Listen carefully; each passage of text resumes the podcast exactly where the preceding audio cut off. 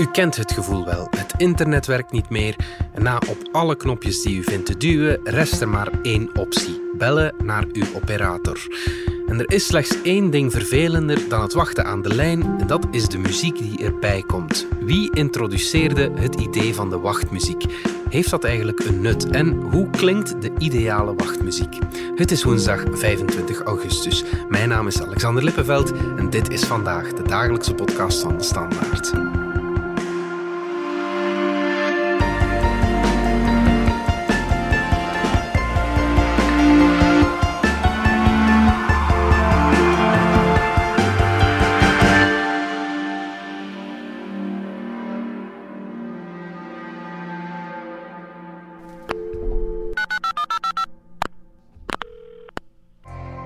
Dit moment zijn al onze medewerkers in gesprek.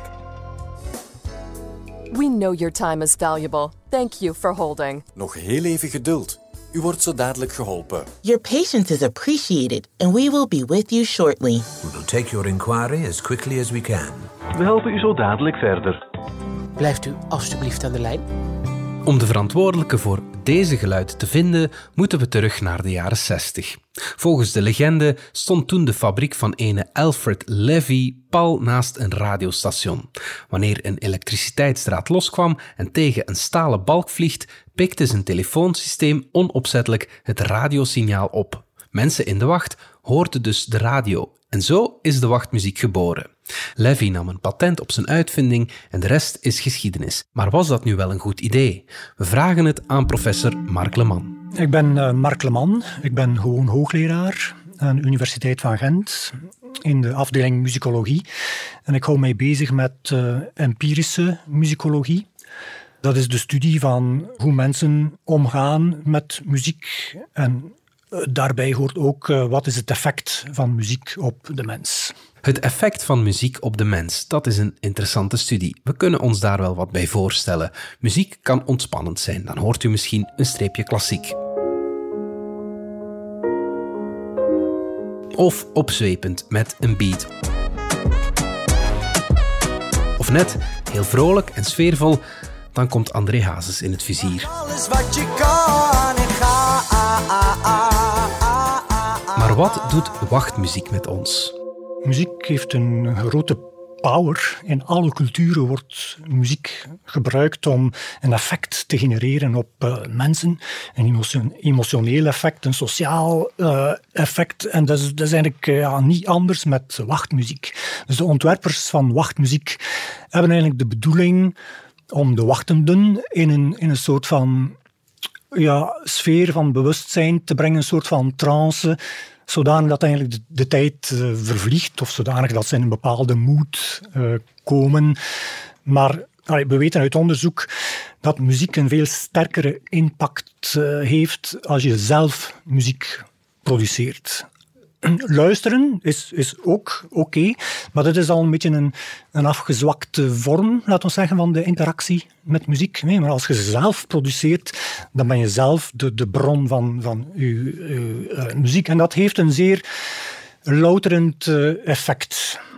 Ik speel trompet en ik merk bij mijzelf dat ik soms ja, zodanig gestresseerd ben dat het gewoon bijna ja, niet gaat in het begin. Dan, dan, moet ik mijzelf echt kalmeren om de eerste noten daar goed uit te krijgen. En van, van dan af ben ik weer uh, op weg. Uh, en dat is ook zo bij veel mensen. Ik hoor van mensen dat zij in de coronatijden uh, muziek gebruikt hebben om hun gemoedsgesteldheid op te krikken. Terug wat op te peppen. En dat is dan meestal muziek met een, een goede beat op, waar je van nature uit gemakkelijk kunt mee bewegen. En door die beweging krijg je ja, meer uh, activiteit, uh, meer adrenaline. Dat geeft u een meer opgewekt uh, gevoel. Dus inderdaad, de mensen gebruiken dat dus om, om, om hun eigen emoties te reguleren. Een heel bekend fenomeen ook bij adolescenten, dat ze dat daarom doen. Muziek kan dus onze emoties beïnvloeden, zeker als je ze zelf gaat spelen, maar ook door er naar te luisteren. Hoe komt dat? Muziek is, is natuurlijk een geluidsfenomeen, dus we nemen muziek waar met het oor. Alhoewel dat mensen die doof zijn ook muziek kunnen waarnemen, meestal de lage frequentie, die kunnen, die kunnen ze voelen. Ook al hoor je niet, je voelt die. Uh, maar dus uh, de horenden die krijgen die frequenties uh, binnen. Via het gehoor wordt dat omgezet in neuronale impulsen. Dus muziek dringt diep binnen in, in de hersenen. Het, het, zijn de trillingen van de muziek en ook die structuur die dringt eigenlijk binnen in ons brein. Zo, zo kan je het echt ook letterlijk wel stellen. De hersenen, zoals we daar vandaag naar kijken, dat uh, kan je opvatten als een predictiemachine. Dat produceert voortdurend predicties over wat er gaat komen. Zo ook met muziek. Dus als je daar dus een bepaalde beat naartoe stuurt, die zeer regelmatig is, dan gaat ons brein daar een voorspelling van maken. Binnen de volgende x aantal milliseconden komt in een beat terug. En dat gaat ons op den duur een gevoel geven van dat we die muziek kunnen niet alleen voorspellen, maar of dat we die muziek zelf ook maken. Dus we voorspellen die zo sterk dat het, dat het is alsof dat we ze zelf produceren. En dat geeft een bijzonder emotioneel uh, gevoel ook, namelijk het gevoel van controle te hebben over uw omgeving. Wachtmuziek is dus repetitief met opzet. Hoewel we natuurlijk geen enkele invloed hebben op wanneer de persoon aan de andere kant zal opnemen, geeft de muziek ons een gevoel van controle. En we zouden er ook kalmer van worden. Het is meestal rustige muziek en die gaat inderdaad ons juist kalmeren. En door het feit dat het dus allemaal zo langzaam gebeurt, uh, gaat het ons in een soort van trance, een lichte trance uh, brengen. Nu weet ik niet hoe u dat ervaart, maar als ik voor de zoveelste keer bij een niet nader genoemde telecomoperator aan de lijn hang, dan voel ik toch vooral een ergernis die je heel moeilijk transcendent kan noemen. Waarom ergeren we ons zo aan wachtmuziek? Ja, dat is uh, omdat interactie met muziek een zekere vooringesteldheid vergt. Dat is die predictieve neiging van onze hersenen. Die, die vooringenomenheid kan zo sterk zijn dat je daar volledig eigenlijk uh, van afsluit. En, dan wordt muziek, uh, kan muziek zeer irritant uh, overkomen. Bij mij is dat bijvoorbeeld het geval als ik ga winkelen in een groot warenhuis. Dan vind ik dat dus super irritant. Muziek die mij wil in een bepaalde sfeer brengen waar ik niet wil in zijn. Namelijk consument, een consumentenslaaf. Dat wil ik niet zijn. Dus uh, dan zet ik mij ook af tegen die muziek uh, die ik hoor, want die, die wil mij natuurlijk tot dat bewustzijnsniveau, uh, die bewustzijnsvernauwing brengen.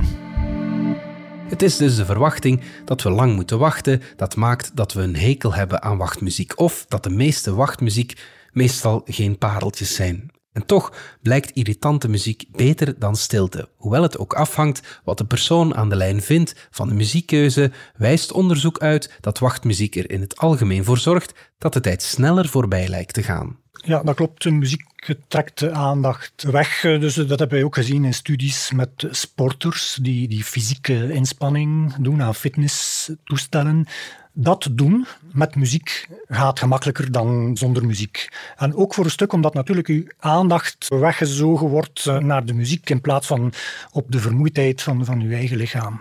We gaan er even tussenuit, want we hebben nog andere podcasts waar we graag wat reclame voor maken. Dominic Dekmijn, een van de stemmen van Bits en Atomen. Waar gaan jij en Pieter het komende vrijdag over hebben?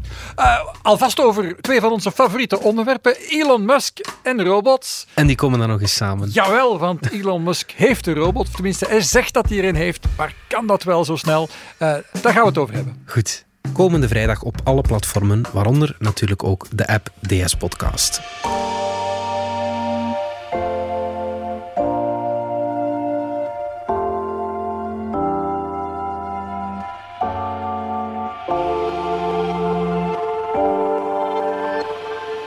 Terug naar de wachtmuziek dan. Bedrijven zetten wachtmuziek nog steeds in om klanten aan de lijn te houden, maar het is ook een interessant moment om aan marketing te doen. En dat wordt vaak vergeten. Wachtmuziek wordt heel vaak uh, stiefmoederlijk behandeld omdat het iets banaals lijkt, maar het wordt onderschat um, dat het eigenlijk een heel belangrijk touchpoint is voor een merk waar heel veel stakeholders mee in contact komen. Dit is Cedric Engels. 34 jaar, medeoprichter van Sonhouse, een sound agency, en ook auteur van het boek De Kracht van Geluid. ja, we weten allemaal hoe merken eruit zien, maar wij stellen ook graag de vraag hoe klinkt een merk? Cedric merkt dat in zijn branche wachtmuziek niet echt au serieus wordt genomen. Dus het is zo van, oké, whatever, wachtmuziek, we pakken wel dat muziekje dat iedereen neemt. Dat is dit muziekje. Opus number one. Voor mij was dat wel Pavlov-effect gewijs onmiddellijk wachtmuziek. Opus number one is gecomponeerd door Tim Carlton en Derek Deal, maar het is nooit als wachtmuziek gemaakt. De makers fabriceerden hun opus als tieners in hun garage. Zoveel jaren later kwam Derek Deal terecht bij technologiegigant Cisco, een bedrijf dat netwerkapparatuur maakt voor onder meer telecombedrijven. Hij liet hun meesterwerk horen, waarop het werd ingesteld als de standaard wachtmuziek bij alle Cisco-toestellen. Vandaag is Opus Number One nog steeds de meest gebruikte wachtmuziek. Maar waarom? Qua genre zitten we in de stijl van ambient. Um, en dat is eigenlijk net de grappige dunne lijn.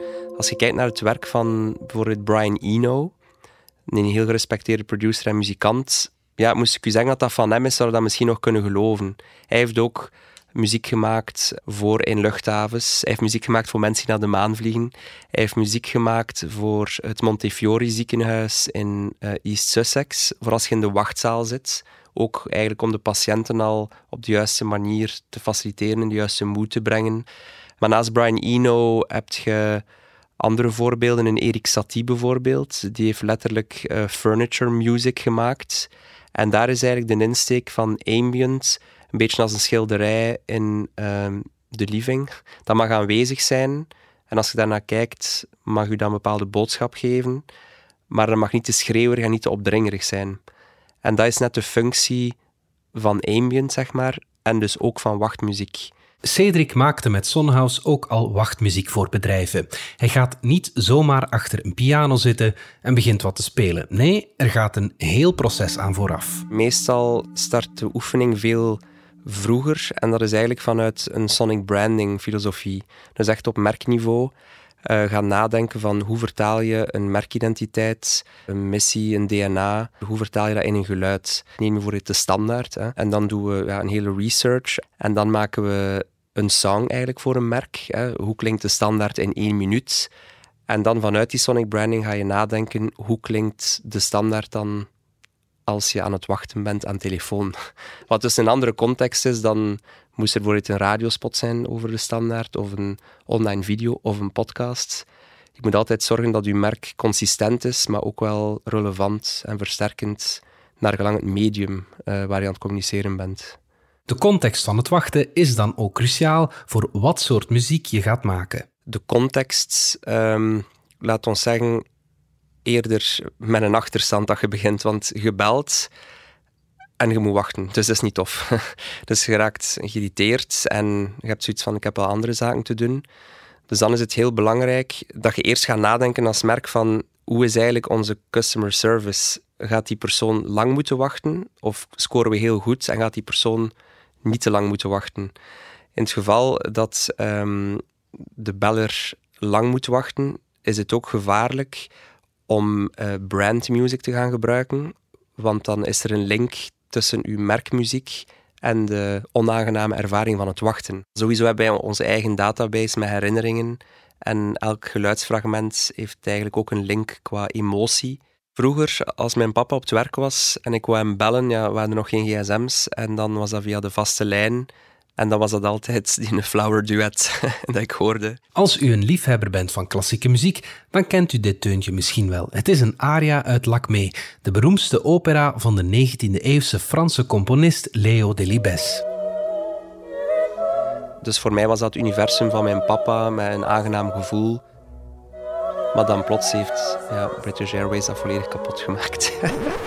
British Airways vond Flower Duet perfect passen bij hun merk. Het heeft een beetje het gevoel van in de wolken te zijn en van security en het is een beetje soothing. Ze gebruikten het slim en zetten het op al hun communicatie in. Maar dan toch ook niet slim, omdat ze het ook als wachtmuziek hebben gebruikt. En daar is net die negatieve ervaring, waarbij dat je belt naar British Airways ja, omdat je vlucht is geannuleerd of omdat je ja, een ticket wil verplaatsen wat er een probleem is. Waar dat zij ehm, qua service ook niet top scoren. Waardoor dat je dat nummer dus ja, negatief gaat associëren. Dus als je al een slechte service biedt qua wachten, raad ik eigenlijk al aan om geen muziek te gebruiken die gelinkt is aan je eigen merk. Gebruik dan misschien de muziek van een concurrent of zo. Een goed voorbeeld vindt Cedric de wachtmuziek van e-commerce bedrijf Coolblue. Ja, omdat ik een stoever ben, omdat wij dat gemaakt hebben. nee, ehm, het is eigenlijk Coolblue zelf die met het idee afkwam. Dus de credits uh, ja, moeten aan hen toebehoren.